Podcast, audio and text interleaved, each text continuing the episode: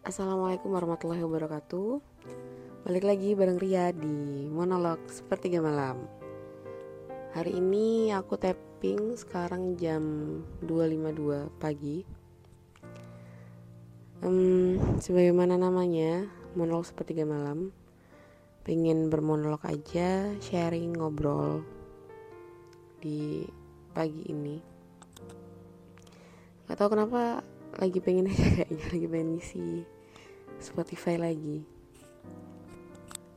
Hmm, kalau boleh sharing ya sharing dan cerita mungkin. Ya kalau misalnya ada ibrohnya ada manfaatnya diambil silakan gitu. Kalau ada hikmahnya karena aku juga ngerasa masya allah hikmahnya luar biasa sih.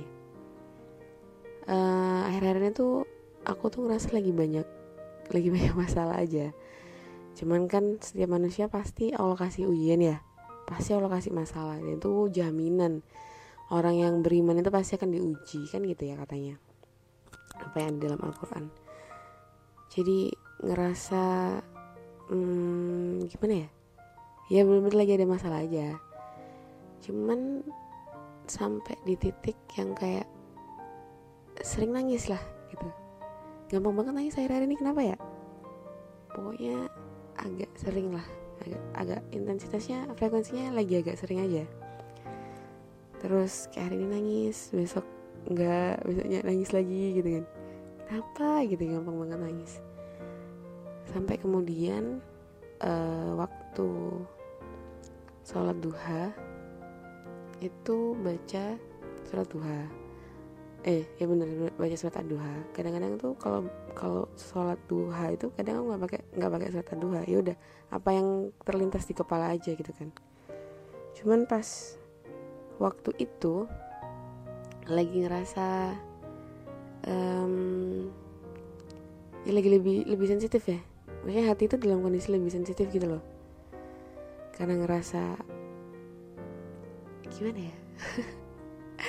Kayak aku tuh ngerasa aku lagi ada di the lowest part of my life gitu. Kayak aku lagi ngerasa rendah dan terhina banget gitu. Bukan terhina di hadapan manusia ya maksudnya tuh di hadapan Allah tuh aku kayak ngerasa rendah banget. Aku kayak ngerasa banyak banget kurangnya aku kayak ngerasa hmm, banyak banget yang perlu dibenerin. Kayak aku ngerasa ya Allah aku minta maaf karena aku masih banyak nggak baiknya. Jadi aku minta maaf sama Allah karena aku belum solih gitu belum soliha. Minta maaf sama Allah karena masih banyak dari amalku itu yang cacat gitu dari amalku itu yang tidak sempurna gitu. Kayak aku tuh sedihnya itu bukan sedih ke orang ya bukan sedih ke manusia ya. Sedihnya tuh sedih ke Allah bukan karena Allahnya tapi aku sedih. Aku kenapa nggak baik ya gitu. Kayak aku tuh sendiri ngerasa aku kayak nggak baik aku ngerasa kurang baik gitu jadi aku tuh sedih di hadapan Allah tuh kayak ya Allah maafin aku ya. Karena aku tuh mungkin kurang gitu. Karena aku tuh mungkin tidak sempurna dalam amal dan nafsi aku dan saksi aku. Tuh aku nggak baik aku nggak sempurna gitu kan. Yang ngerasa sedih di situ sih. Ngerasa sedih di hadapan Allah terkait dengan diriku sendiri gitu. Terus uh, pas pas baca surat aduha itu itu ngerasa wah langsung berderai dari air mata kan. Kenapa berderai berderai dari air mata? Karena memahami uh, makna yang terkandung di dalamnya. Karena sempat baca tafsirnya kan. Sempat baca tafsirnya surat ad-duha. Di situ kan kalau boleh sharing aja ya berkaitan tentang surat ad-duha. Di surat ad-duha itu kalau misalnya di tafsirnya Ibnu Katsir itu kan diceritakan. Surat Ad-Duha itu kan asbabun nuzulnya ketika malaikat Jibril alaihissalam itu terlambat turun. Ya emang ditahan gitu sama Allah.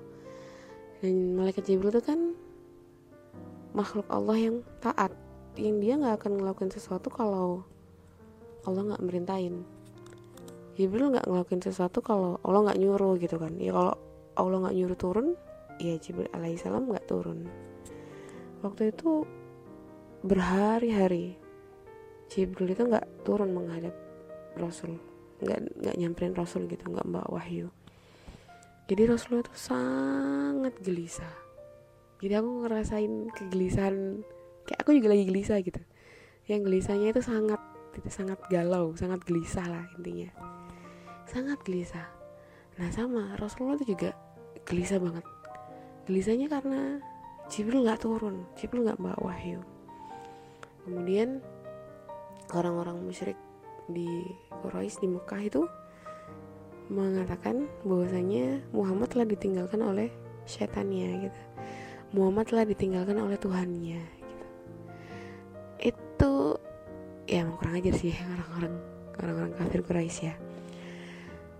Kalau di tafsirnya Ibnu Katsir tuh dia di hadis itu dimention katanya itu istrinya Abu Lahab yang ngomong kayak gitu. Udah ngomporin ya, ngomporin udah orang gelisah dikomporin kayak gitu gitu. Kayak seolah-olah kamu tuh sendirian. Kamu itu udah nggak dipedulikan lagi. Kamu itu udah ditinggalkan. Kamu itu udah nggak ada yang sayang. Kamu itu nggak ada yang peduli sama kamu gitu. Nggak ada yang respect dan ngehargain kamu udah kamu itu seorang diri sekarang. Ya nyebelin sih. Kalau misalnya ada orang yang udahlah kita gloomy banget gitu lagi gelisah lagi galau gitu kan malah dikomporin kayak gitu. Malah dibilang kita sendirian gitu. Nggak usah lah dibilang sama orang. Kita aja ketika lagi galau ngerasa kayak gitu sendiri kan. Ya itu kan yang bisik-bisik syaitan ya kayak gitu-gitu itu. Kan syaitan itu kan minal jinati wanas ya. Jadi kita aja kadang-kadang yang ngerasa galau dan gelisah itu merasa kalau kita tuh sendiri. Kita kayak nggak punya siapa-siapa gitu. Kita kayak oke okay, aku harus menyelesaikannya seorang diri. Oke okay, this is my problem and I have to face it gitu kan. Alone gitu aku harus menghadapinya sendiri. Itu udah kita udah ngerasa cukup eh alarm. Udah ngerasa cukup bahwa kita lelah dengan itu gitu. Karena kita ngerasa udah sendirian. Oke bentar. Matiin alarm karena ini udah jam 3 Bentar. Oke lanjut. Terus uh, udahlah kita ngerasa gloomy Ngerasa sendiri Ngerasa ditinggalkan Ngerasa kayak gak punya siapa-siapa Mungkin kita punya sahabat Terus pas kita butuh tempat untuk nyari solusi Atau kita butuh tempat untuk mendengarkan kita gak dapat Entah uh, orang yang kita percaya ini nggak bisa ngasih solusi yang pas atau lagi nggak pas aja momennya untuk bisa mendengarin ngedengerin kita ya pokoknya kita ngerasa sendiri gitu menghadapi masalah itu. Terus udah kondisinya kayak gitu gelisah gitu ya terus Allah itu kayak nggak turunin wahyunya ke Nabi Muhammad. Nabi Muhammad tuh gelisah sampai kayak bolak balik ke lembah gitu loh. Jadi bolak balik ke lembah terus kayak menatap ke langit gitu kan.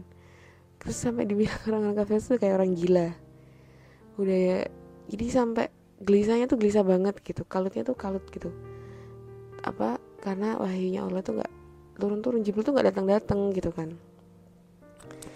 Nah aku tuh ngerasa relate dengan surat ad-duha ini gitu. ngerasa uh, bukan bukan ngerasa ditinggal sih ya aku tahu bahwasanya Allah itu senantiasa bersama aku cuman di saat itu di po di posisi yang aku lagi sholat duha terus aku baca surat ad-duha itu aku benar-benar ngerasa ya Allah iya ya cuman Allah yang bisa ngerti dan dengerin aku gitu Allah iya ya Allah itu nggak pernah ninggalin aku. Kan di wadduha walaili kita saja itu kan disampaikan bahwasanya Allah itu bersumpah demi waktu duha. Allah itu kalau udah bersumpah itu berarti ini sesuatu jaminan. Apa yang mau Allah sampaikan ini adalah sebuah garansi sesuatu yang pasti terjadi. Karena Allah sampai bersumpah dengan cahaya yang dia ciptakan gitu ya demi waktu duha dan demi malam apabila telah sunyi. Ketika jadi kayak kayak kayak nggak peduli siang ataupun malam itu nanti di ayat selanjutnya kan uh, waduha walaili dan saja mawadaka rabbuka wa makola sumpah demi waktu duha ataupun malam yang sunyi nggak peduli pagi nggak peduli malam nggak peduli ada cahaya mentari ataupun nggak ada Tuhanmu itu nggak ninggalin kamu gitu. Tuhanmu itu nggak ninggalin kamu Tuhanmu tuh nggak benci kok sama kamu gitu.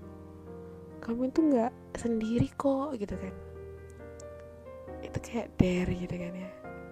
Pas baca surat Duha itu rasanya kayak ya Allah aku tuh nggak sendiri gitu. Dan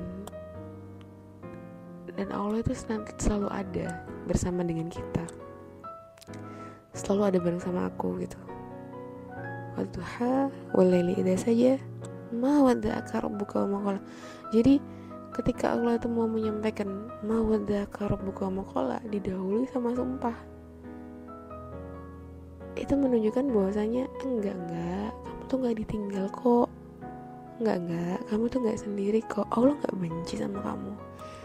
Jadi ya. Maksudnya pas aku tuh ngerasa kayak di lowest part of my life yang aku ngerasa kayak kalau aku tuh aku tuh masih nggak baik gitu aku masih banyak salahnya aku tuh masih banyak cacatnya aku masih banyak nggak sempurnanya aku tahu perintahmu tapi aku nggak sempurna menjalankannya. Atau mungkin ada hal-hal yang secara tersembunyi atau terang-terangan sengaja aku langgar begitu kan. Aku kayak ngerasa nggak baik banget di hadapan Allah. Terus aku tuh ngerasa ya Allah mungkin ketika Allah ngasih aku masalah itu Allah lagi ngehukum aku kali ya gitu Allah lagi pengen ngelurusin salahku gitu. Allah tuh lagi kamu tuh salah hari ini coba benerin gara-gara kamu kayak gini kan kamu jadi begini. Kayak tuh aku ngerasa kayak gitu ya. Terus pas baca mabata akar buku makola bahwasanya Allah tuh nggak ninggalin kamu Allah tuh nggak benci gitu. Orang yang galau orang yang gelisah tuh kadang-kadang ngerasa ngerasa ditinggal kan ya kayak ngerasa Allah tuh nggak sayang kali ya sama aku gitu kan. Nggak nggak nggak kayak gitu sama sekali. Sama sekali nggak kayak gitu. Mau ada kalau buka mau kalau nggak Allah tuh nggak ninggalin kamu dan Allah tuh nggak benci sama kamu. Allah tuh sayang sama kamu gitu. Allah tuh cinta sama kamu. Makanya kamu dikasih ujian. Makanya Allah pengen kamu jadi lebih baik. Makanya Allah kirimkan orang yang ngingetin kamu. Makanya ya kamu menghadapi ujian-ujian kehidupan karena Allah itu sayang sama kamu pengen kamu itu levelnya naik. Pengen pengen kamu itu jadi pribadi yang lebih baik gitu.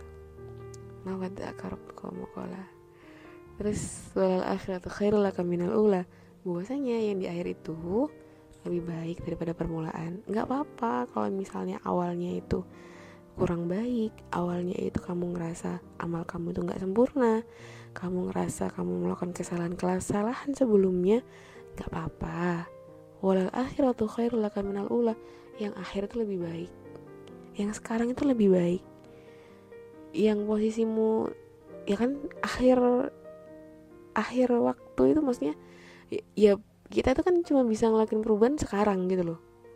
Kita masa depan kan kita nggak ngerti. Ya yang bisa kita lakukan tuh sekarang. Yang masa lalu yang udah terjadi di awal ya udah gitu loh.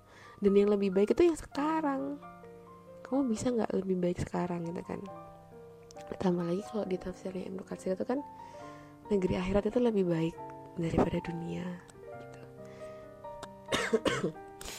Negeri akhirat itu lebih baik daripada dunia.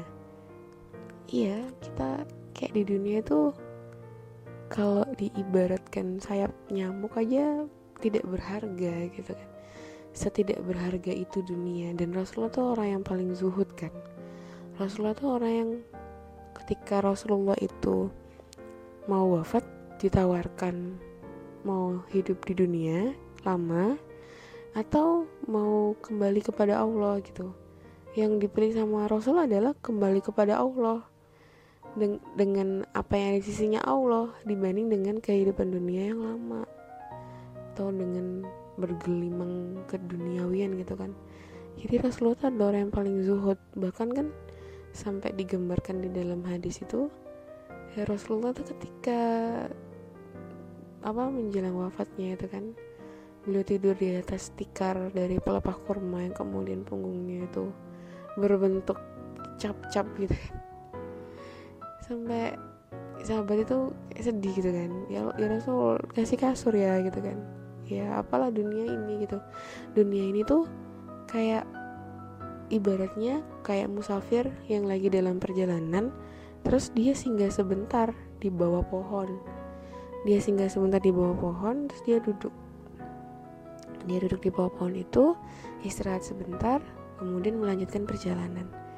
Jadi kita di dunia ini cuma sebatas perjalanan doang kita lagi menemui petualangan aja di dunia ini dan kita nggak menetap lama.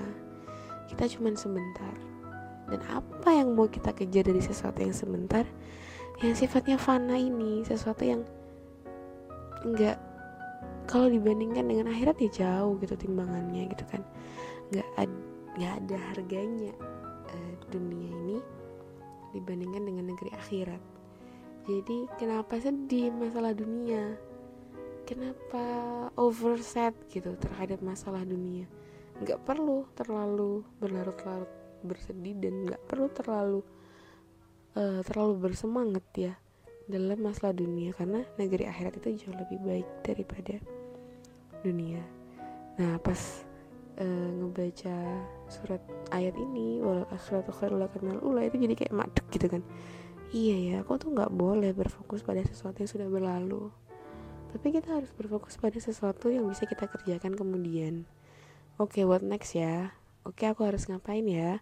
oke aku harus berbuat apa ya gitu kan karena walau akhiratu khair laka minal ula terus uh, ditambah lagi ya Allah tuh ngingetin lagi wala sawfa yu'tika rabbuka fatardu nanti pasti Allah itu ngasih kamu kenikmatan sehingga kamu menjadi ridho kamu tuh jadi puas intinya kamu itu bakal dibalas kok sesuai dengan apa yang kamu kerjakan. Kebaikan-kebaikan kamu obat kamu. Kemudian the way kamu mendekatkan diri kepada Allah takarub ilallahmu gitu ya. Allah itu bakal ngasih kenikmatan sampai kamu tuh ngerasa ridho dengan balasan Allah itu. Sampai kamu tuh ngerasa puas banget dengan balasan dari Allah itu tadi dan gak ada balasan yang lebih baik kecuali jannah kecuali surga. Jadi jadi kalau mau balasan di dunia ya lo bales pasti kan. Fama ya'mal miskala dzarratin khaira yara wa ma ya'mal miskala baik buruk sekecil apa pun pasti Allah balas kan. Jadi nggak usah khawatir dan nikmat Allah itu telah sempurna sampai kepada kita. Petunjuk-petunjuknya kalau kita ngehitung-hitung nikmatnya Allah itu kan gak ada habisnya. Kayak nggak cukup gitu loh waktu kita untuk bisa menghitung nikmat-nikmat Allah yang terlalu banyak gitu kan. Terlalu banyak nikmat Allah yang udah dikasih sama kita. Itu aku kayak ada ya Allah maafin aku ya gitu kan. Ketika kamu ngerasa galau dan sedih sekarang nggak apa-apa nggak apa-apa Allah itu mencukupkan nikmatmu gitu kan. Allah tuh pasti mendatangkan nikmat kepadamu sampai kamu tuh ngerasa itu wala sofa ya tiga Allah tuh pasti akan ngasih karunia-Nya gitu ya kepada kamu sampai hati kamu itu menjadi puas. Lalu hati kamu tuh jadi puas hati kamu tuh jadi redo dengan keputusan-keputusan Allah dengan karunia karunianya Allah. Terus kemudian ayat selanjutnya yang bikin madeng gitu ya alam yajidaka yatiman fa'awa wa wajadaka dhallan fahada wa wajadaka ailan fa'agna aduh ya Allah astagfirullahaladzim Allah itu ngedapetin kamu dalam keadaan yatim. Gitu kan? Kalau mendapatimu sebagai seorang yang yatim lalu dia ngelindungin kamu. Dan Allah mendapati kamu sebagai orang yang bingung lalu dia ngasih petunjuk kepada kamu. Dan Allah mendapati kamu sebagai orang yang kekurangan. Lalu Allah memberikan kecukupan kepadamu.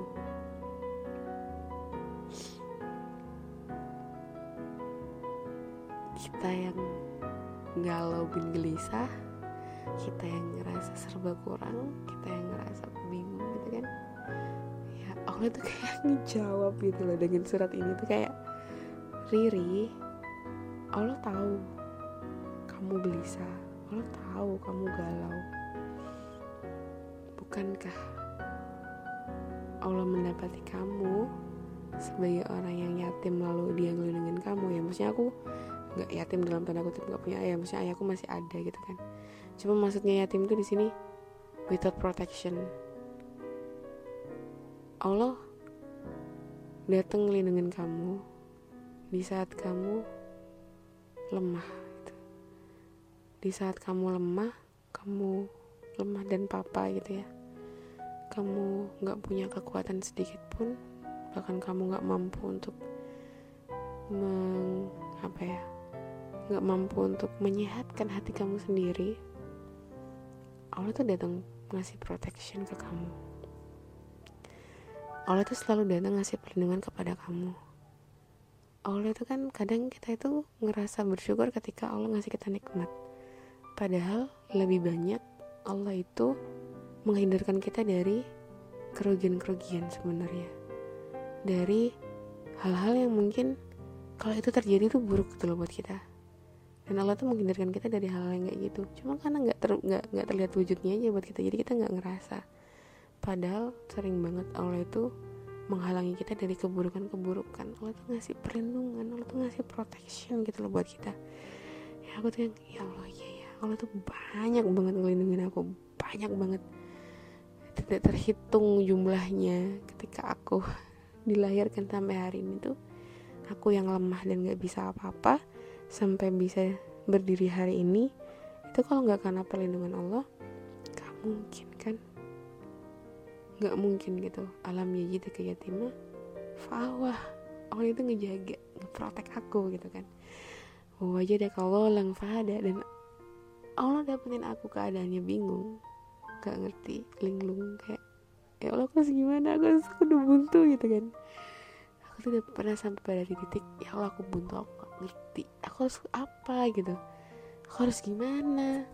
Aku harus ngapain? Ya lo udah aku nggak ngerti. Aku udah buntu aku udah bertanya tapi aku nggak bisa ngelakuin solusinya.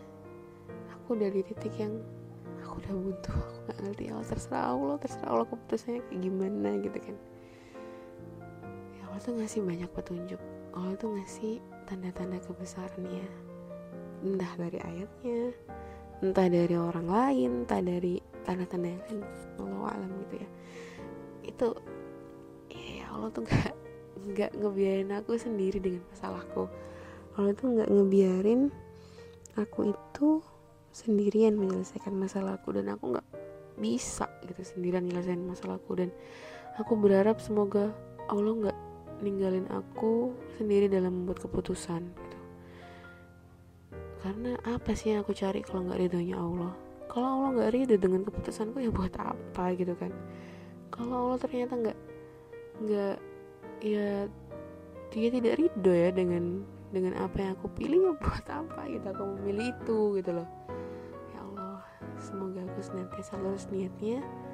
Yang aku harap cuman ridhomu aja bukan ridho yang lain bukan ridho manusia bener. Ridhomu aja ya Allah. Allah please. Tolong jadikan hatiku terus senantiasa condong kepada jalanmu Bukan condong kepada yang lain Wajadaka tulang fahada Wajadaka ailang fagana Allah tahu Aku tuh serba kurang gitu Dan aku ngerasa kurang gitu Dan Allah ngasih cukup Kadang kita sering lupa untuk bersikap kona'ah Untuk menerima yang sedikit. Untuk menerima nikmat dan rezeki dari Allah ya mungkin bayi kita itu kecil bayi kita itu sedikit gitu ya. Padahal yang namanya keberkahan itu kecilnya mencukupkan banyaknya mensyukurkan kan gitu ya. Kecil banyak itu pandangan kecil banyak itu relatif. Kalau itu berkah yang kecil jadi cukup yang banyak jadi syukur kan gitu. Ya Allah. Masya Allah. Subhanallah. Terus fa'amal yatim Allah ngingetin udah ya udah ya Allah ada udah ya Allah ngejaga udah ya Allah ngasih petunjuk udah ya Allah tuh ngecukupin. Pahamin itu sadari itu. Kalau udah sadar fa'amal yatim falatakar kepada orang kepada orang yang yatim anak yang yatim jangan kamu menghardiknya. Maksudnya kalau aku tangkap ya untuk diriku jangan bersikap sewenang-wenang jangan bersikap sombong jangan merendahkan orang lain jangan ngehina orang lain jangan ngerasa tinggi jangan ngerasa bener jangan ngerasa yang udah soliha gitu. Jangan ngerasa yang udah paling oke okay, gitu kan. Famal yatima falatakahar wa amasa ila falatanhar gitu kan. Wa amma mati rabbika fadis. Kepada orang yang uh, orang yang miskin jangan kalian itu jangan kalian itu eh kok miskin kepada orang yang meminta gitu ya. Jangan kamu itu menghardiknya kepada yang yatim jangan sewenang-wenang kepada yang miskin eh kepada yang meminta-minta jangan kamu menghardiknya intinya ya jangan sok gitu. Jangan ngerasa bener jangan sombong jangan ngerasa soliha jangan ngerasa udah paling oke okay, jangan ngerasa pendapatmu itu yang terbaik gitu. Bisa jadi mungkin pendapat kamu benar tapi pendapat kamu nggak hasan gitu nggak baik. Mungkin iya pendapat kamu benar tapi nggak ma'ruf gitu loh. Nggak yang yang nggak ma'ruf. Karena ada rasa karena aku benar gitu.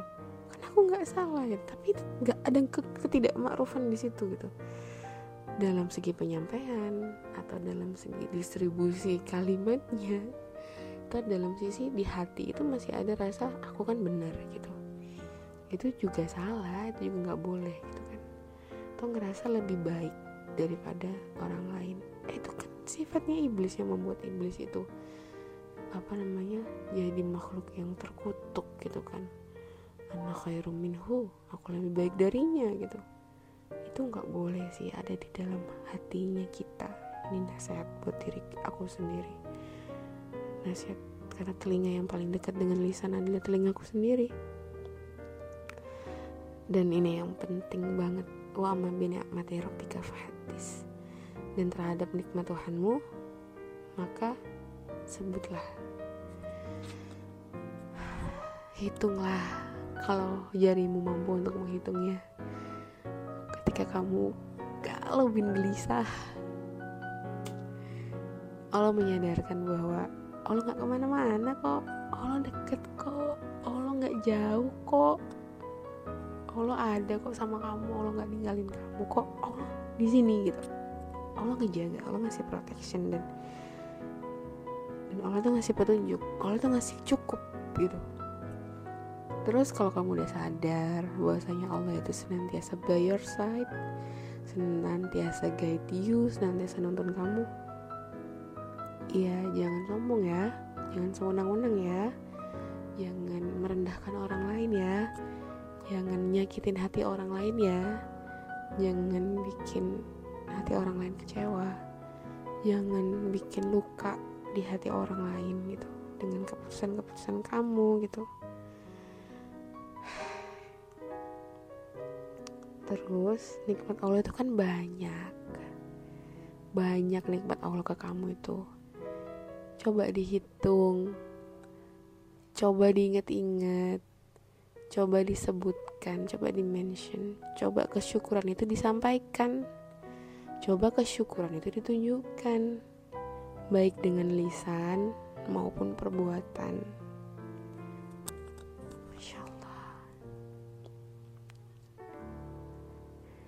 Ya itu yang bikin aku ngerasa ya ya Allah nggak ninggalin aku sih. Allah selalu ada di sisi aku. Jadi buat teman-teman mungkin yang ngerasa lagi berat aja lagi pengen keluar dari kekalutan pengen keluar dari masalah pengen keluar dari rasa gelisah sih lebih tepatnya ya. Sebenarnya masalah itu bisa-bisa aja kita selesaikan bisa-bisa aja kita hadapin. Cuman kadang-kadang itu isi kepala kita yang terlalu rumit hati kita yang terlalu uh, bergelimang awan-awan mendung. Gimana caranya supaya matahari itu muncul di dalam mendungnya hati kita? Itu tadi ingat surat ad-duha kemudian ingat bahwasanya di dalam Quran surat az-zumar itu kan uh, Allah itu kan bilang ayat 53 ya kalau nggak salah. Az-Zumar ayat 53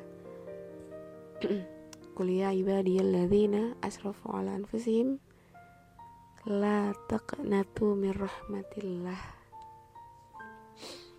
wah itu udah ayat yang kayak kuliah ibadiyalladzina asrafu ala anfusihim katakanlah wahai hamba-hambaku yang melampaui batas atas diri mereka sendiri kayak Allah itu ngemen sebenarnya Allah nyebutin para pendosa kan? Ya kita semua pendosa lah. Aku pendosa.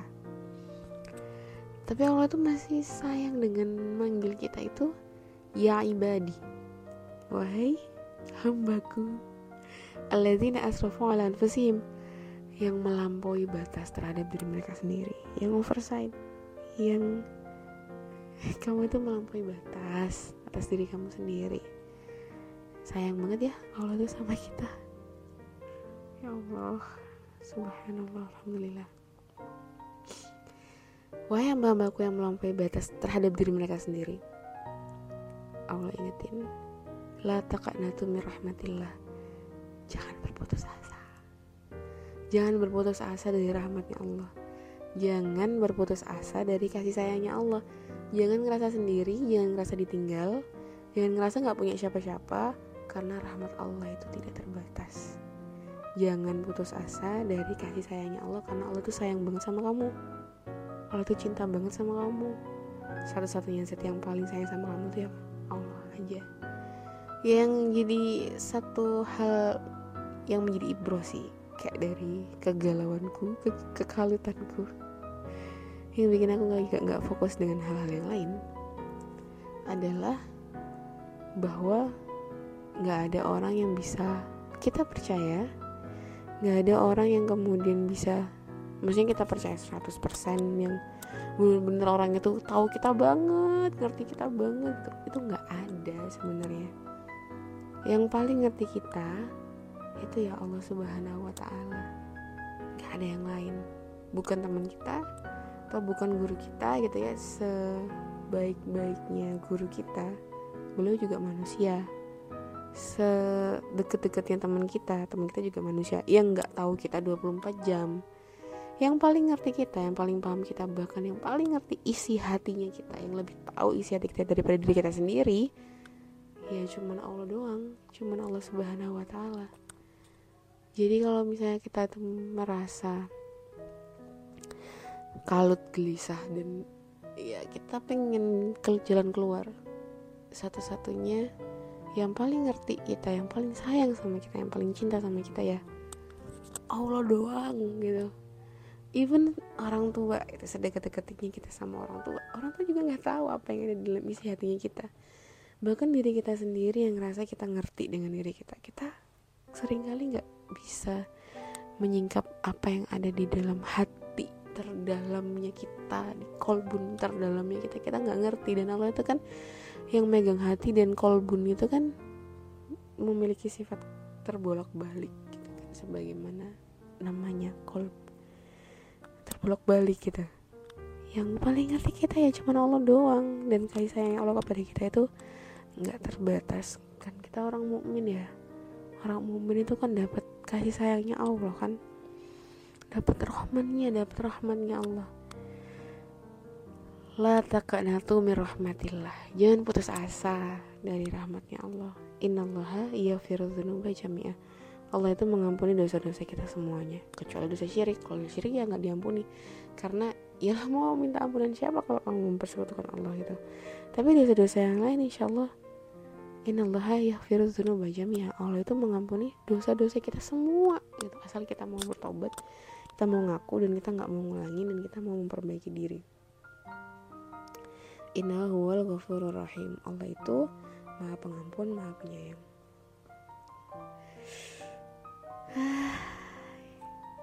Ya gitulah. Sedikit kegelisahan dan keresahan yang kemudian aku dapetin jawabannya di dalam uh, Al-Quran. Emang benar-benar Al-Quran itu syifa ya Al-Quran itu obat gitu. Itu deh yang bikin ya Allah nggak mungkin ninggalin aku Allah sayang banget sama aku. Kalaupun aku salah entah salah masalah hati atau masalah perbuatan ya kadang hati kita itu emang harus terus direparasi. Harus selalu minta hati yang selamat minta kulbun salim. Namanya hati itu terbolak balik iman itu naik dan turun dan insan itu mahal khotok wanisyan tempatnya salah tempatnya lupa bermohon kepada Allah semoga Allah senantiasa menurunkan rahmat dan kasih sayangnya. Minta maaf sama Allah kalau emang diri kita banyak salahnya. Minta maaf sama orang tua kalau emang ternyata dalam sikap dan perkataan kita ada yang menyakiti hatinya. Minta maaf sama guru kita kalau ternyata dalam amal kita menyakiti hatinya juga gitu ya ada yang nggak sempurna. Dan jadi versi yang terbaik untuk diri kita sendiri. Jadi diri kita dengan versi yang terbaik gitu. Itu yang aku dapat dan itu bikin hatiku tenang sih. Jadi after hmm, apa namanya baca surat itu ya kan kan udah pas gimana ya kita tuh kalau sholat terus kita baca surat yang surat itu kita ngerti artinya dan itu deep banget itu kan bisa berderai-derai gitu. Berderai-derai air mata maksudnya berderai air mata terus kemudian bikin hati kita lebih tenang terus bikin kita bisa moving forward kita bisa melangkah maju bahwa oke okay, ya Allah uh, engkau selalu ada di sisiku aku ingin memberikan yang terbaik untukmu amal yang aku lakukan semuanya aku lakukan untuk mendapatkan keriduanmu bukan untuk mendapatkan pujian manusia bukan untuk mendapatkan validitas dari manusia atau apresiasi dari manusia Semata-mata aku ngelakuin itu semua hanya untuk mendapatkan keriduan dan keberkahan dari engkau gitu. Kalaupun kemudian penduduk bumi itu tidak melihatnya, bagiku tidak apa-apa asalkan engkau melihatnya. Bagiku eh, tidak dipandang oleh penduduk bumi itu tidak masalah asalkan engkau memandangnya. Ya semoga Allah senantiasa menjadikan hati-hati kita menjadi hati-hati yang ikhlas yang semata-mata berbuat hanya karena mengharap rahmat dan ridhonya saja. Sisanya insya Allah Allah yang menyempurnakan. Wa mayatakilah wa yaj'alahu makhraja wa yarzuqhu min haitsu yahtasib. Barang siapa bertakwa kepada Allah, Allah akan memberikan baginya jalan keluar dan akan memberikan dia rezeki dari jalan yang tidak dia sangka-sangka.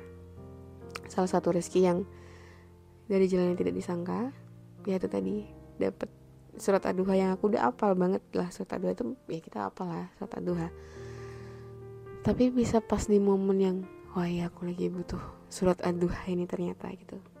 Ya setelah itu jadi tenang setelah itu jadi lebih ngerti apa yang harus dilakukan ke depan. Jadi lebih ikhlas dan lebih bersabar. Alhamdulillah. Ya itulah sedikit sharing-sharing uh, dari aku di monolog sepertiga malam ini. Ini aku tapping hari Jumat ya Jumat pagi Semoga di hari Jumat ini Allah limpahi keberkahannya, Allah limpahkan rahmat dan kasih sayangnya kepada kita semua dan menjadikan kita orang yang ikhlas dalam menjalani kehidupan yang sebentar ini. Uh, wahai para musafir, orang yang hanya sekedar berteduh di bawah pohon. Semoga kita nggak merasa kita menatap lama di sini. Ya ini nasihat untuk diriku sendiri. Aku nggak menatap lama di sini aku akan beranjak dan akan segera pergi.